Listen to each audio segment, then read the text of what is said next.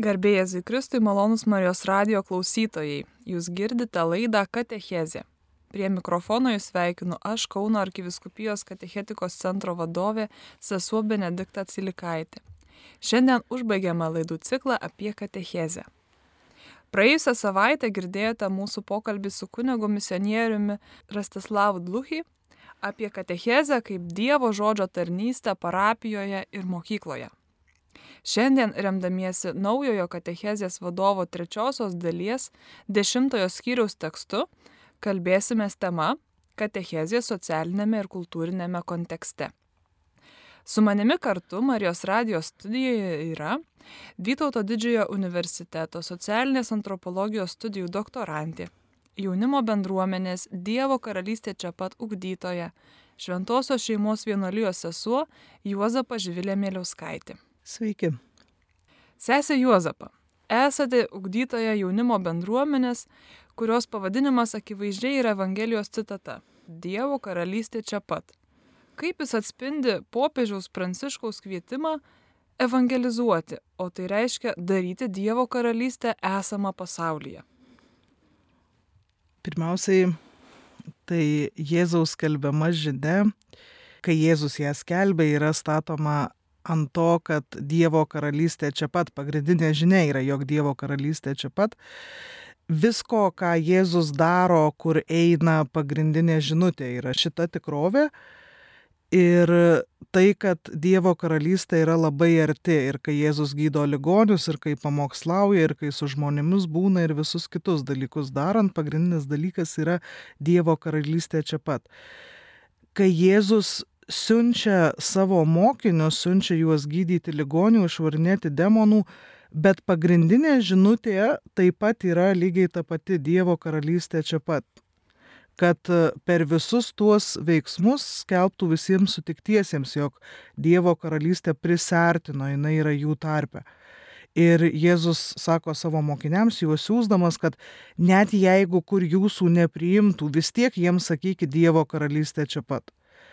Ir aš savo vienuolinio pašaukimo pradžioje dar prieš įstodama į savo bendruomenę kaip pagrindinį momentą. Iš tikrųjų labai svarbu, išgyvenau va šitą akimirką, jog Jėzus siunčia savo mokinius, eikit ir skelbkite visiems, kad Dievo karalystė čia pat ir aš tą išgyvenau tada kaip asmenį kvietimą, kur einu būti taip, kad įsikurtų Dievo karalystė, kad ji taptų labai artima ir regima per mano buvimą.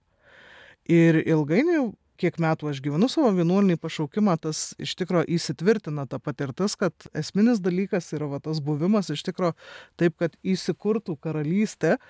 Ir kai aš ėmiau dirbti su jaunimu, tai labai tą išgyvenau, kad aš norėjau jaunimui perduoti iš tikro tą patirtį, kad per jų buvimą, kasdienius užsiemimus ir santykius įsikūrė Dievo karalystė jeigu į juos einam ir juose esam su Dievu ir ta karalystė tampa visiems prieinama ir vieni su kitais pasidalinam tą tikrovę iš tikro, Dievas tampa tarp mūsų esantis labai realiai kasdienoj. Ir karalystė įsikūrė ne tiek per kalbėjimą, kad visiems sakom, kad jie turėtų tikėti ar kažkaip, kai kuriuose terpėse gali būti gana didelis iššūkis, kiek per buvimą tarkim jaunimas tą tą dievo tikrovę atsineša į savo studijas atsineša tą buvimo kokybę kad jie būna su dievu visuose reikaluose kiti atsineša į savo darbus į šeimas į visus santykius. Ir iš tikro aš nu labai norėjau tą jaunimui perduoti kad būti dievo tikrovėje dievo akivaizdoje nėra kažkoks proginis dalykas išskirtinumas kažkokiems labai ypatingiems retai skiriamas bet tai yra normali krikščionio būsena ir kad iš tikrųjų Dievas mums duoda tą malonę, kad per mus įsikūrė jo karalystė. Dar ne iki galo, bet e, matom jo ženklus ir jinai yra atpažįstama ir kitiems taip pat. Ačiū Jums. Pradėjus skaityti dešimtąjį naujo katechezės vadovo skyrių, žvilgsnį patraukė popiežiaus pranciškaus apaštališkojo paraginimo Evangelį Gaudium citata, kurią jau pradėjome kalbėti, jog būtent evangelizuoti tai reiškia daryti Dievo karalystę esamą pasaulyje. Koks yra tas pasaulis, į kurį mus siunčia Kristus ir bažnyčia? Aš manau, kad dabar tai yra labai svarbu iš tikrųjų suvokti realybę, vad būtent koks tas pasaulis yra. Kad jis yra toks, koks yra iš tikrųjų. Mes kartais susidurėm su tuo, kad bažnyčia konfrontuoja su pasauliu, su tuo, ką laiko pasauliu, ką laiko ne bažnyčia, galbūt, kad kritikuoja dabartinę kultūrą, atmeta kaip netinkamą, sako, kad katalikai turi jo šalintis, arba susidurėm su kitu dalyku, kad yra dažnai rodoma į praeitį, kad tada buvo geriau reikia siekti, kad būtų dabar kaip tada, arba į, į kažkokius įsivaizdavimus, kaip turi būti. Ir dažnai yra apgailestavimai iš tikrųjų, kad dabar aplinka, kuri yra, va, tas pasaulis tikrovė yra netinkama. Bet e, šiaip aš manau, kad pasaulis yra koks yra dabar. Jis yra su savais iššūkiais iš tikrųjų ir iš esmės mes iš tikrųjų turim priimti, kad jis toks yra ir negalim primesti savo požiūrio, kad jis turi būti kažkoks kitoks. Iš tikrųjų, nes turim gerbti tas situacijas, kokios jos yra ir jas atsižvelgti. Ir tarkim, mes galim norėti ir norim, kad šeimos būtų stabilios, bet realybė yra tokia, kad yra labai daug iširusių šeimų ir, pavyzdžiui, jaunimas iš iširusių šeimų yra labai sužeistas tos patirties iš tikrųjų. Tai negalim sakyti, kad būkite šaunios šeimos, ir bus viskas gerai. Jos jau yra kai kurios iširusios ir tiem žmonėms reikia gerosios naujienos jų situacijoje, o ne mūsų norimoje ar įsivaizduojamo iš tikrųjų. Ir e, Kristus ir bažnyčia mus siunčia į pasaulį, koks jis yra kad ten atneštume ateidami Dievo tikrovę ir ją paskelbtume, o ne koks jis pagal mūsų norus būtų tinkamas Kristui ateiti ir mums būtų patogus ir iš tikrųjų esam siunčiami priimti tą tikrovę, kokia yra ir joje būti. Ir lygiai taip pat Jėzus, kai siunčia savo mokinius, tai sako labai aiškiai, kad vienur jūs priims, kitur nepriims. Bet eikit ir ten, ir ten į situacijas ir aplinkybės, kokios jos yra. Atsispyrę nuo konkrečios jaunimo bendruomenės patirties ir remdamiesi toliau dokumento tekstu, Pažvelkim plačiau, cituoju.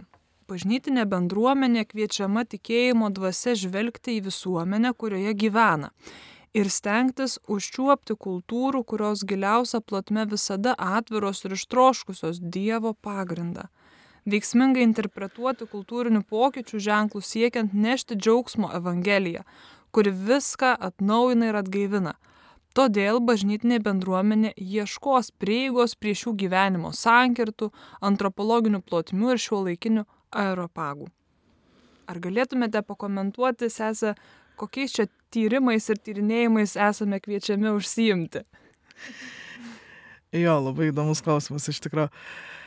Bažnyčia ilgą laiką iš tikrųjų kalba apie iššūkį skaityti laiko ženklus ir ta frazė yra dažnai kartojama bažnyčiai, mes kartais nelabai gilinamės iš tikrųjų nei ką čia skaityti, nei kas tie ženklai.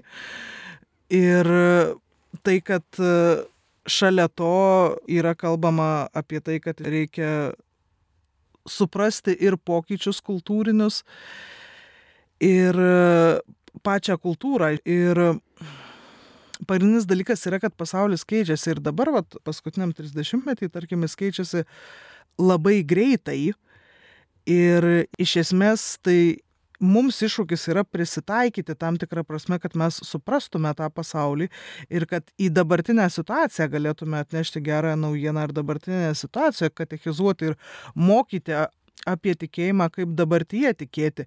Ir jau prieš keletą amžių iš tikrųjų misionieriai bandė pažinti kultūras, kuriuoms kelbė Evangelija, nes buvo akivaizdu, kad tos kultūros skiriasi ir kad yra pernelyg sunku priimti kai kuriuos dalykus.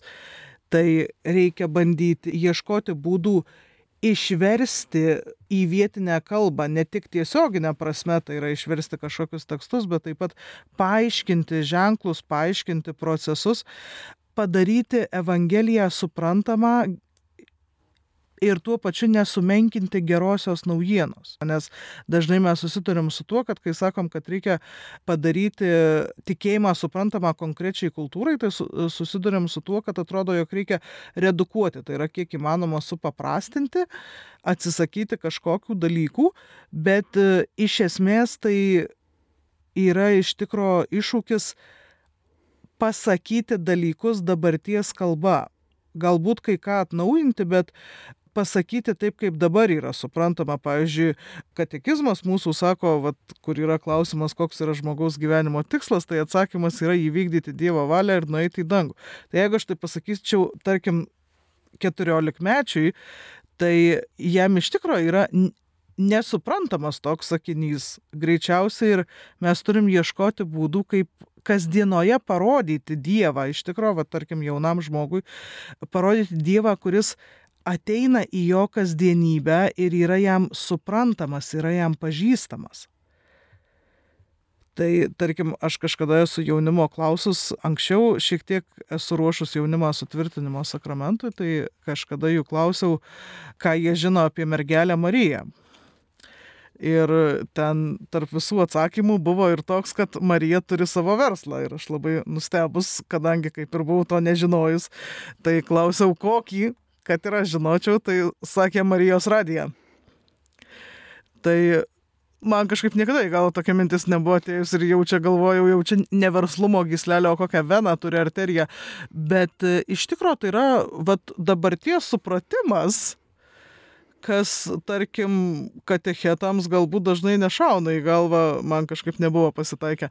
Tai, nes tai yra visiškai kita kultūra, arba, pavyzdžiui, aš kažkada su, su jaunimu kalbėjausi apie šventą šeimą, tai man jaunimas pasakė, kad Juozapas buvo Jėzaus patėvis.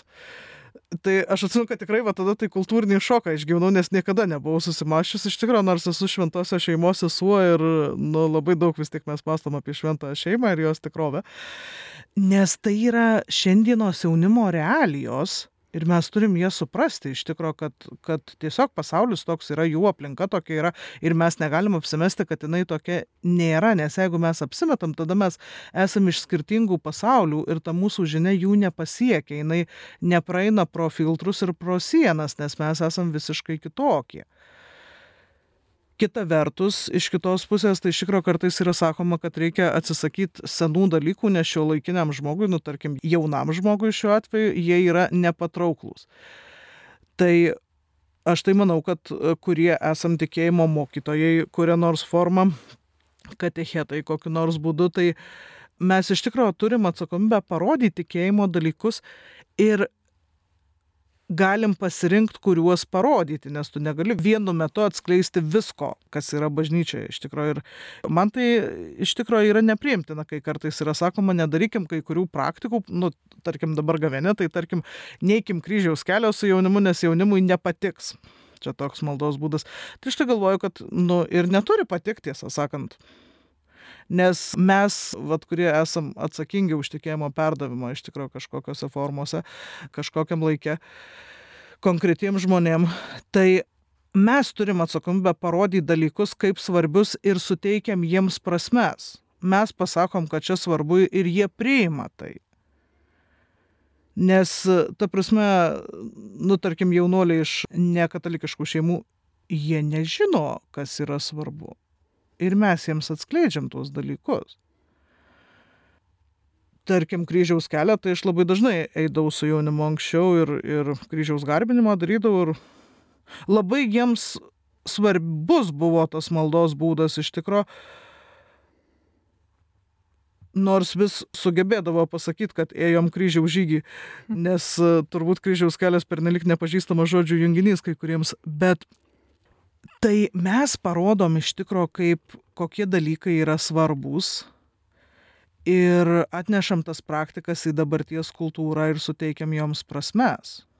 Ir pavyzdžiui, dabarties realija, tarkim, kultūrinis pokytis yra, kad dėl gausos galimybių ir įvairių pasirinkimų, dėl to, kad galima rinktis iš daugybės dalykų, iš tikrųjų dėl galimybių dažnai e, keisti dalykus, pavyzdžiui, gyvenamą vietą, studijų kryptį, darbą ir taip toliau, dalį jaunimo yra labai sunku pasirinkti, sunku įsipareigoti.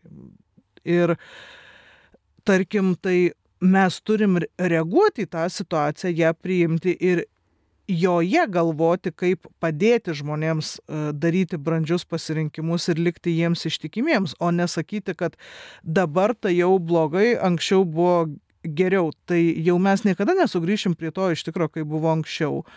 Ir e, dabartinė tikrovė, jinai yra kokia yra. Tai mes arba liekam savo tikrovę ir liekam atskirti tada nuo, nuo tikrų žmonių ir jų gyvenimų, arba turim e, mokytis suprasti tą tikrovę, iš tikrųjų ir joje būti.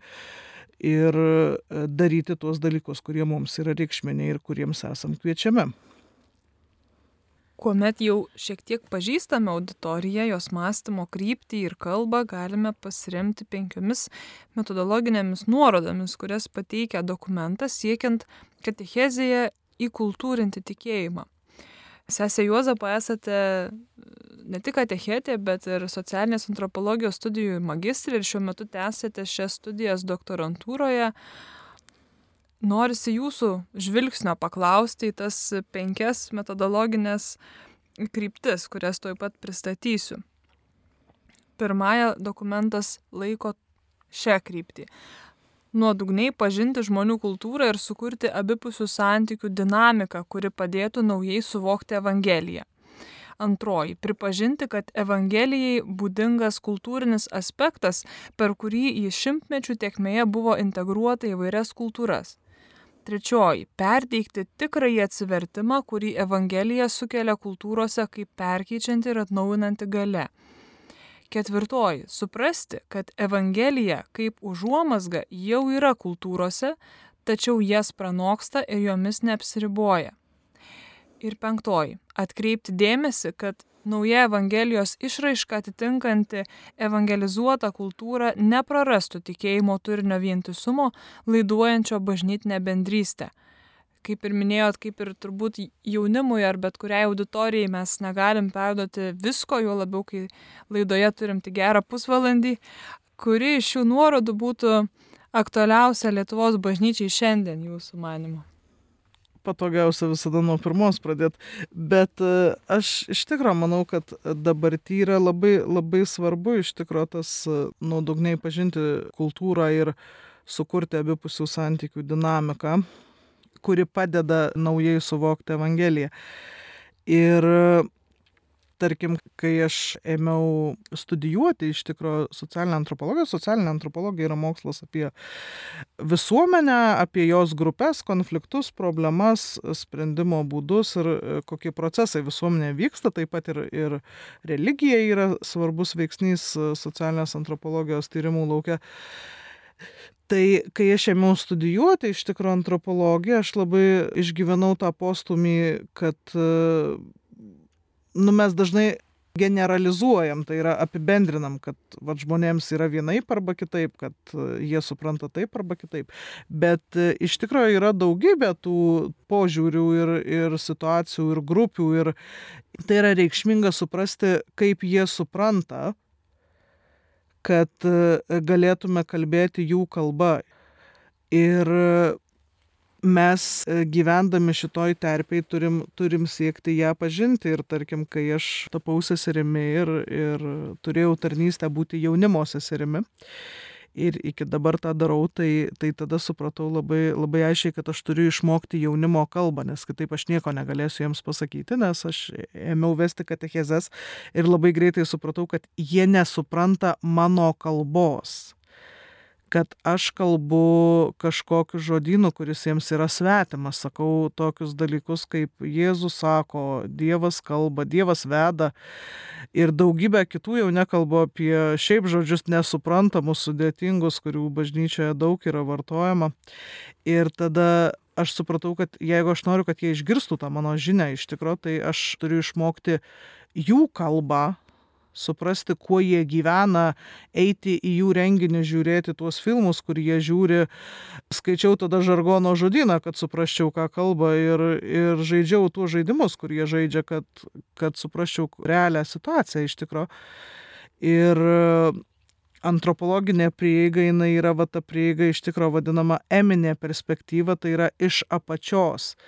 Tai yra suprasti, kaip e, žmonės, su kuriais tu susiduri, supranta, ne kaip tu norėtum, kad jie suprastų, ne kaip tu manai, kad, kad jie turi suprast, bet kaip jie iš tikrųjų supranta, kokios yra jų patirtys, kaip jie įvardyja savo patirtis.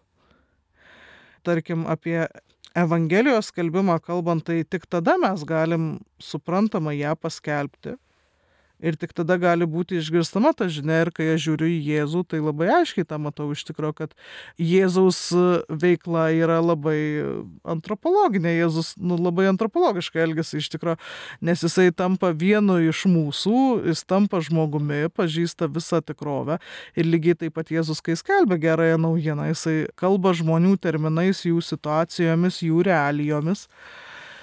Taip pat, tarkim, vat, katechetas savo terpėje, nebūtinai su jaunimu, bet ir visose kitose, kur, kur iš tikrųjų moko apie tikėjimą, turi pažinti tą terpę, kurioje skelbia, tarkim, prieš kurį laiką aš Kaune vienoje iš bažnyčių sakydavau viešas katechezės sekmaniais, tai tu turi pažinti tada, kokie žmonės ateina į tas mišes, kokios yra jų patirtys, koks yra jų žinojimas apie tikėjimą ir kas jiems aktualu yra žinoti, ką jiems reikia žinoti, ką jie nori suprasti labiau iš tikrųjų, kad galėtum kalbėti reikalingus ir suprantamus dalykus. Ir aš galvoju, kad yra, ir, yra svarbu ne prieš priešinti, neskirstyti tose situacijose, kad jie ir mes, jie supranta va taip, o mes suprantam va taip. Kad kai, tarkim, aš būnu su jaunimu, dabar jau aš vadovauju tai bendruomeniai e, Dievo karalystė čia pat, kuri yra susikūrus iš, iš e, mano veiklos.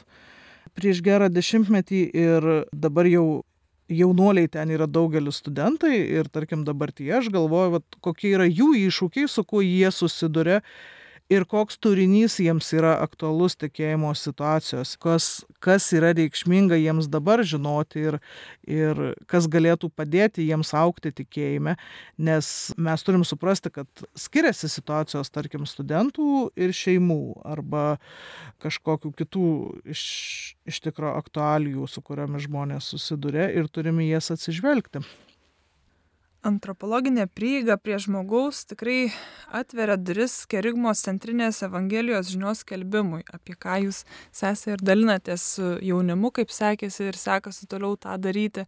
Tikrai žinau, kad tai yra ne vienintelė auditorija, kuriai kalbate. Ir savo gyvenimo tarnystėje tikrai apimat daug žmonių, skirtingų amžių, skirtingų situacijų. Naujasis katechezės vadovas sako, jog daliniai bažnyčiai ir joje esančiai kiekvienai krikščionių bendruomenė ar grupiai tenka pasitelkti pastoracinę įžvalgą ir suformuluoti tokią kerigmo sampratą, kuri geriausiai atitiktų skirtingus mentalitetus. Ir mes daug jau kalbėjom apie tai, kad svarbu pažinti savo auditoriją ar ne, tinkamai atsakyti, tinkamai kalba atsakyti, bet norisi dar truputėlį nerti giliau, kai jau žinia paskelbta ar ne, mes, mes susidurėm su faktu, kad minėjot ir sudėtinga įsipareigoti žmogui yra šitoje kultūroje gyvenančiam, bet vis dėlto mūsų esminė kaip katechetų, kaip ugdytojų užduotis yra atvesti žmogų į susitikimą su Kristumi, ne asmeninį santykių su juo ir atnešti šitą patirtį ją kaip katechezijai, kaip, kaip vidinę tikrovę, ne, kad žmogus ne tik suprastų savo protu, bet ir galėtų patirti. Galbūt galit pasidalinti nebūtinai iš jaunimo, gal iš kitos aplinkos, kaip teko matyti, kaip na, žmogus pereina šitą procesą ir gali liudyti, kad vis dėlto savo kalba, gavęs žinę, atėjo į tą sustikimą su Dievu. Kalbant apie tikėjimo kelionę su jaunimu, tai yra, su jaunimu dalykai vyksta labai lietai šitoj daly.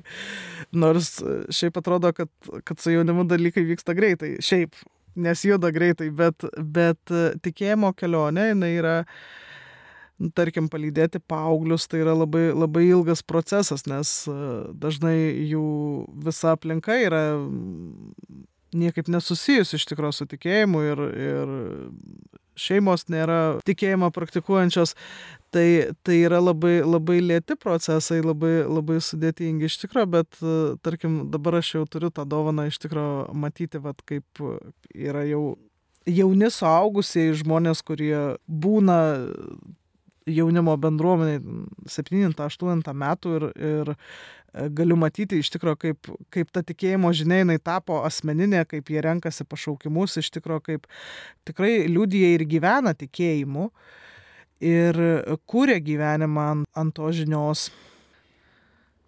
Šalia to, kad iš tiesų daug kalbėjom ar ne apie pasikeitusias aktualijas dėl natūralių priežasčių, dėl to, kad esam suskubėjime, dėliam tempe, dar mus ištinka ir įvairios nenumatytos situacijos kaip karantinas, COVID ar ne, ir, ir tikrai turim prie visko prisitaikyti, rasti būdą, kaip tame gyventi naujoje tikrovėje, ją įimti, ją ją evangelizuoti ir dokumentas kalba apie tai, kad vis dažniau pripažįstama, kad socialinės medijos, ypač skaitmeninio pobūdžio, iš tikrųjų yra tapusios pagrindiniu socializacijos veiksniu ir beveik pakeičia tradicinės socializacijos terpės, tokias kaip šeima, bažnyčia ir mokykla.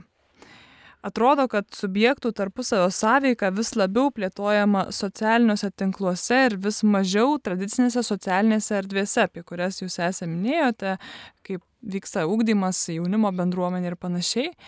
Praktinių lygmenių, kaip kalba dokumentas, reikia įvertinti bei suprasti implicitiško įsisavinimo ribas, priimant skaitmeninėme amžiuje kasdien pateikiamą turinį daugelis asmeninių tarpusavio sąveikos formų tapo virtualios, ypač jaunai kartai visiškai prarandant tradicinių santykių poreikį, užkirzdamos kelią susiliesti su kito žmogaus nerimu, baime, džiaugsmu ir jo netgi sudėtinga asmenė patirtimi.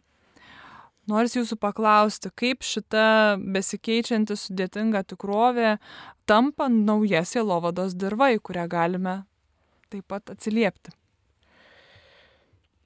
karantino patirtis jinai iš tikro m, tapo iššūkiu visiems taip pat ir, ir bažnyčioje. ir tada viskas persikėlė į ekranus, nes tiesiog nebuvo kitų galimybių. Tai yra ir mišios vyko nuotoliniu būdu, ir, ir visas ugdymas, ir visos katechezės. Ir aš manu, kad tą laiką išnaudojau labai, labai intensyviai. Iš tikrųjų, būti su jaunimu ir mes tada darėm labai daug e, rekolekcijų, mokymų, maldos grupių iš tikrųjų, nes aš tam mačiau, kad jaunimas išgyvena labai daug baimės ir netikrumo ir išnaudojau tą laiką iš tikrųjų būti su jais ir, ir išnaudoti šitą situaciją ugdymui. Tada darėm ir viešų online renginių daug iš tikrųjų, kur tiesiog kviesdavom kitus jaunus žmonės jungtis ir tikrai labai sėkmingai, bet reikia pripažinti, kad e, visose gyvenimo srityse mums e, buvo sunku sugrįžti prie tikro bendravimo, nes e, tiesą sakant, mes supratom, kad daugeliu atveju yra daug patogiau jungtis internetu į kažkokius susitikimus ir nesivarginti kažkur eiti, važiuoti ir būti su žmonėmis. Ir mes turim pripažinti iš tikrųjų, kad po karantino dalis žmonių negrįžo į bažnyčias, nes e, suprato, kad sekmanio mišes gali stebėti per ekraną. Aišku, to stebėjimo kokybė, tai kai kitų galimybių nebuvo, tai naudojomės tokiomis, bet dabar, kai jos yra, tai, tai iš tikrųjų daug klausimų kelia. Bet e, aš manau, kad dabartyje mes turim išnaudoti ir tas terpes Evangelijai skelbti, bet orientuotis kiek įmanoma į gyvus susitikimus iš tikrųjų. Tarkim, dabar vat, su jaunimo bendruomenė mes turim tą situaciją, kai jie studijuoja ne viename mieste ir jeigu mes darytume tik gyvus susitikimus, tai tie susitikimai būtų labai reti. Tai dėl to yra susitarimai e, daryti reguliarius mokymus, tarkim, katechezės iš tikrųjų, nuotoliniu būdu. Ir lygiai taip pat yra labai daug iniciatyvų, iš tikrųjų, e, programėlių, kurios padeda belstis ir jos tikrai labai naudingos. Ir tarkim, dabar Gavėnios laikė yra įvairių iniciatyvų, kur padeda iš, iš tikrųjų kaip siūlymai išgyventi gavėnę kryptingai ir tai yra labai naudinga, manau, žmonėms, kurie galbūt neturi bendruomenių arba neturi galimybių išvažiuoti į ilgas rekolekcijas gavėnios, tarkim, savaitgalio, bet gali kiekvieną dieną skirti keletą minučių arba keliolika, kad, kad labiau išgyventų Dievo tikrovę. Bet kita vertus, mes turim koncentruotis iš tikro į bendruomenių kūrimą ir stiprinimą. Mes turim pripažinti, kad dabartiniai situacijoje mums stinga bendruomenių, ypač mažesniuose miestuose tiek jaunimo bendruomenių, tiek e, suaugusių lygiai taip pat kažkokių grupių, maldos grupių, susitikimų reguliarių, kur žmonės iš tikrųjų išgyventų bendrystės patirtį, išgyventų kartu, kad yra bažnyčia. Ir e, esam kviečiami kurti iš tikrųjų tuos dalykus, nes kai aš ėmiau dirbti su jaunimu, aš labai mačiau tą situaciją, kad jaunimui stinga terpių, kur, kur jie galėtų uh, saugioj aplinkoj mokytis e, kurti kokybiškus santykius, kur galėtų nebijoti būti vertinami, nebijoti klysti, nebijoti iš tikro bandyti naujus dalykus, kurių dar nedarė ir e, kur galėtų saugiai aukti, tai aš tada siekiau tą terpę sukurti ir pradėjau daryti tokius jaunimo ugdymo savaitgalius. Dabar jau su jaunimo bendruomenė kaip komanda mes darom kartu pašaukimų ugdymo savaitgalius iš tikrųjų ir jie visada turi gyvą formatą. Ir vienas iš tikslų iš tikrųjų yra va, tas e, kokybiškas bendramas, kokybiški santykiai, nes mes turim pripažinti, kad nuotoliniai susitikimai, jie e, gali būti tinkami informacijos perdavimui ir labai naudingi, bet jie apriboja mūsų iš tikrųjų bendrystę ir nuskursta mūsų santykiai. Mes galim galbūt dirbti kažką per nuotoliniu būdu ir tai yra gana patogu ir sutaupo mums laiko, bet vis tiek turim orientuotis į, į santykių kūrimą ir, ir iš tikrųjų kalbant apie, apie Jėzaus misiją, pavyzdžiui, tai, kad Jėzus eina prie žmonių, su jais būna, eina pas juos į svečius ir kuria asmeninius santykius ir per tuos santykius jie pažįsta Dievo tikrovę, per, per jo buvimą su jais pažįsta, kad ateina ta Dievo karalystė į jų tarpą, įsikuria. Tai iš tikrųjų esam kviečiami tam, šalia to, kad turim išnaudoti ir, ir, ir tas galimybės, kurias dabar suteikia, tarkim, socialiniai tinklai. Kaip kalbėjot, kad ko gero ne, neturėtume daryti didelės skirties arba iš vis jos turbūt nedaryti tarp jie ir mes, tarp taip ar kitaip suprantančių, tikinčių, netikinčių auditorijos ir kalbėtojo, ar ne, taip ir ko gero pradedame įsigyventi į tikrovę, kurioje nedarome, jau imame nebedaryti tos skirties ekranas ir ne ekranas, ar ne, mes bandome sujungti tas tikrovės, bet ne panaikinti viena kitos tačiau vis dėlto turim ir didelių iššūkių netgi kalbos prasme.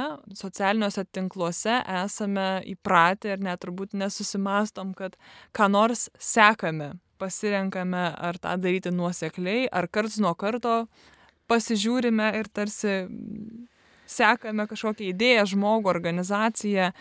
Ypatingai ieškom galbūt įkvėpimo kažkokios patirties sužadinimo tame Ir tą patį žodį vartojam, kai sakom, sekam Kristų, ar ne, kai Kristus kviečia, sek paskui mane.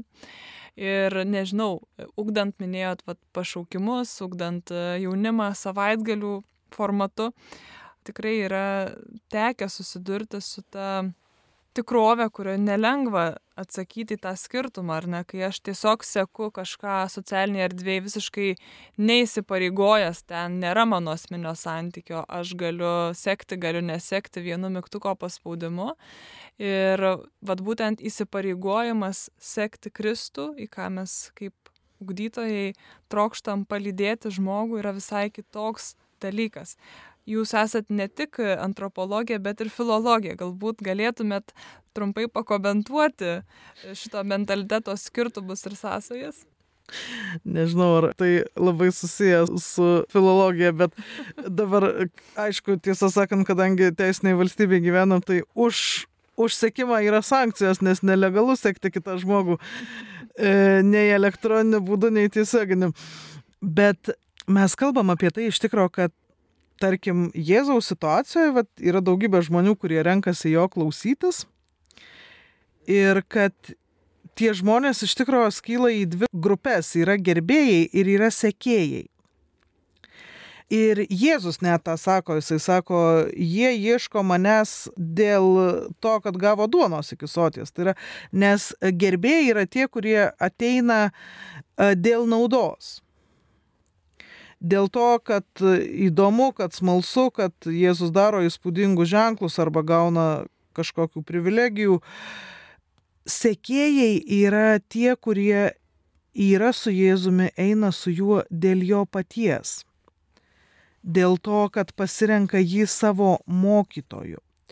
Ir aš čia užsiminiau prieš tai, kad su jaunimu šitas procesas yra labai lėtas iš tikrųjų, nes e, mes suprantam, kad, pavyzdžiui, kai, kai mes ugdom paauglius, tai pirmą etapą jis gali būti net labai ilgas, jie ateina ir atvažiuoja dėl to, kad jiems smagu būti kad jiem patinka žmonės. Ir, pavyzdžiui, aš kartais sakau katechetams, kad kai jūs e, paaugliams, tarkim, keturiolikmečiams kalbat apie Dievą, tai jie supranta labai mažai iš tikro, ta prasme, nes plačiaja prasme Dievas ir bažnyčia jiems patinka tiek, kiek jiems patinka katechetas, nes, nes tie dalykai dar yra labai susiję iš tikro. Ir dėl to mes kuriam santykius, kad per santyki galėtume parodyti Dievo tikrovę. Ir patirties suasmenimas jis vyksta per laiką, iš tikrųjų tikėjimo suasmenimas, kad žmogus asmeniškai pasirinktų sekti Jėzų, tai gali užtrukti tikrai ilgą laiką.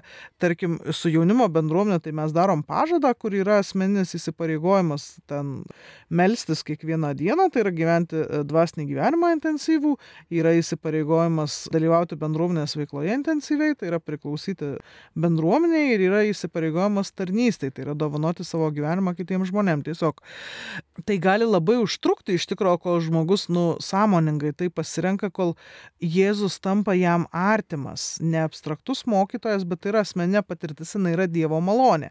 Iš tikrųjų, bet į tą patirtį mes galim palydėti ir mokyti, melstis kiekvienoje dienoje, mokyti eiti giliau į dvasinės patirtis, su jomis gyventi, iš tikrųjų juose aukti, galim palydėti tame ieškojime ir maldos kelioniai, dvasiniai kelioniai iš tikrųjų, bet vis tiek visada tai yra asmeninis procesas. Ačiū Jums laidos, laikas eina po truputėlį į pabaigą, bet norisi dar užduoti bent vieną klausimą. Dokumentas įvardė daug skirtingų grupių, apie kurias mes irgi daug kalbėjome, kaip apie atskirą auditoriją, kuriai kerigmo žinę turime išversti jų kalbą, dėti bent jau pastangas ją pažinti ar ne, tapti tam tikrą prasme antropologais, kaip tą maksimaliai padarė Jėzus ir žvelgti jo pavyzdį. Kalba dokumentas apie Evangeliją ir vargšų tikrovę, kuriuos turime statyti į centrą ir nebijoti paliesti Kristaus žaizdų per juos ir patys būti evangelizuojami ir, ir susitikti gyvą Kristų juose. Taip pat galbūt kažkas iš klausančiųjų turi klausimą, kaip perduoti tikėjimą žmonėms, kurie turi didžiulės atsakomybės ir galbūt neturi galimybės įsieiti į kažkokį ilgą silovadinį procesą, bet vis dėlto turi gyvinį poreikį netgi iš tiesų tai, ką daro, gauti tą evangelinę šviesą tame savo sprendimų procese. Tai apie, dokumentas irgi apie tai kalba ir galiausiai atveda mus prie minties, kad tikėjimo raiška, mūsų atsiliepimas į Kristaus kvietimą kaip socialiniam ir kultūriniam kontekste yra įsipareigojimas visuomeniai. Nors daug ir visame katechezių cikle kalbėjom apie asmeninį santykį, apie mūsų pačių įsipareigojimą ugdytis kaip ugdytojams, katechetams, mūsų atsakomybę vesti kitą prie asmeninio santykio su Jėzumi, pasidalinti savo patirtimi kokybiškai, nuoširdžiai. Visgi ateinam į tai, kad tai nėra tik mūsų asmeninis reikalas, tikėjimos e, kaip toks ir jo raiška. Ir dar viena trumpa citata, e, jog bažnyčia, pabrėždama glaudų evangelizacijos ir integralaus žmogaus vystimosi ryšį, primena mums, kad tikėjimas neturi būti išgyvenamas kaip individualus faktas, be konkrečių padarinių socialiniam gyvenimui. Autentiškas tikėjimas jis niekada nėra patogus ir individualistinis. Visuomet neatsiejamas nuo stipraus troškimo keisti pasaulį, perduoti vertybės, palikti ką nors geresnio pasibaigus žemiškai kelioniai.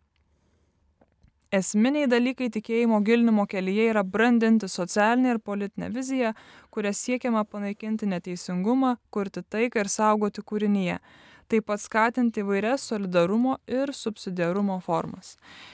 Sakiau, trumpa citata gavus ne visai trumpa, bet pabaigai norisi jūsų sesę klausti ir prašyti gal mums tokio padrasinimo ir linkėjimo, kaip mūsų asmeninė tikėjimo kelionė turėtų išsiskleisti konkrečiais veiksmais kaip įsipareigojimas visuomeniai.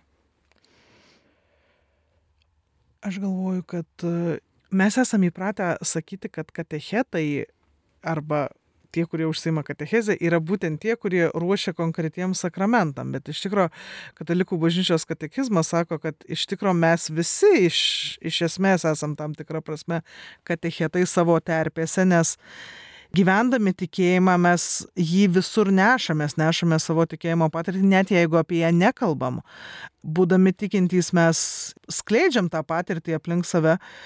Ir tai yra mūsų indėlis į aplinką, kuriuo iš tikrųjų dalyjame su, su aplinkiniais. Ir aš labai linkėčiau drąsos, iš tikrųjų ne tiek drąsos visiems pasakyti, kad jie turi būti tikintys, nes nebūtinai reikia visiems pasakyti darbe, pavyzdžiui. Tai e, žmonės gal turi kitų pasirinkimų, bet e, visada galim už juos melstis ir linkėti jiems tos Dievo patirties. Bet drąsos būti patiems ištikimiems iš tikrųjų savo, savo pasirinkimams ir aš labai atsimenu tą, kai, kai aš ruošiau parapijoje Marijampoliai sutvirtimo sakramentui, ten labai, labai daug jaunuolių iš tikrųjų ruoždavau kiekvienais metais iki 200 ir labai išgyvendavau tą sunkumą, kai prasidėdavo mišios su sutvirtinamaisiais ir kadangi jie daugelis e, neturi įgūdžių melstis mišių metu, tai ten gana daug sumaišties būdavo ir kartais aš išgyvendavau tą, kad žmonės išsako nepasitenkinimą, kad čia jiems trukdo melstis, kai jie ateina į bažnyčią, tie jaunuoliai siaučiantys. Kažkada aš iš tikrųjų labai, labai tą išgyvenau poreikį pagalbos ir tada sakiau tiem žmonėm, kad tas jaunimas, kuris ateina į katechezę, jie, jie nėra nei, nei tik mano, nei tik parapijos klebono atsakomybė, bet tai yra mūsų visų ir tiek, kiek mes į juos investuosim ir kiti taip pat, kurie yra bažnyčia savo pavyzdžių, savo pagalbą, savo palaikymu, kiek mes į juos investuosim, tiek mes prisidėsim prie jų brandos, iš tikrųjų prie jų dvasinio augimo. Ir tai yra mūsų visų uždavinys. Ir tokiu būdu mes dalinamės tą tikėjimo žinę ir Dievas mums ją patikė kad mes ją gyventume ir per mūsų gyvenimą jinai tampa regima ir įsikuria Dievo karalystė čia pat. Ir tai yra dovana. Dėkojame Jums, mėly Marijos radio klausytojai, kad klausėtės mūsų. Viso ciklo apie katechezę dešimties laidų įrašus galite rasti Marijos radio internetinėje svetainėje bei Kauno arkiviskupijos katechetikos centro Facebook paskyroje. Dėkoju laidos viešniai, Vytauto didžiojo universiteto socialinės antropologijos studijų doktorantė, jaunimo bendruomenės, Dievo karalystė čia pat ugdytojai, šventosios šeimos vienolijos sesiai Juozapai Žviliai Meliauskaitai. Noriu visų jūsų mėly klausytojai paprašyti maldos užtarimą už kiekvieną ugdytoją, mokytoją, katechetą, kuris savo gyvenimu, žodžiu ir pavyzdžiu rūpinasi tikėjimo perdavimu, kad kiekvienas žmogus, kuris trokšta, būtų tinkamai palidėtas į asmeninį susitikimą su Kristumi. Prie mikrofono buvau aš, sesuo Benedikta Cilikaitė ir šį laidų ciklą sesės paprašysim užbaigti maldą. Viešpatie Jėzau, dėkojom, kad mumis pasitikė, kad patikė mums savo gerąją naujieną kad su mumis būni kiekvienoje dienoje ir duodi mums savo artumą, duok mums tikėti ir pasitikėti tavimi ir atpažinti per mus ir šalia mūsų įsikūrenčią Dievo karalystę ir būti iš tikrųjų labai tau ištikimiems, nes tu esi viešpats. Garbė Dievui, tėvui ir sūnui ir šventai dvasiai kai buvo pradžioje, dabar ir visados ir per amžius. Amen.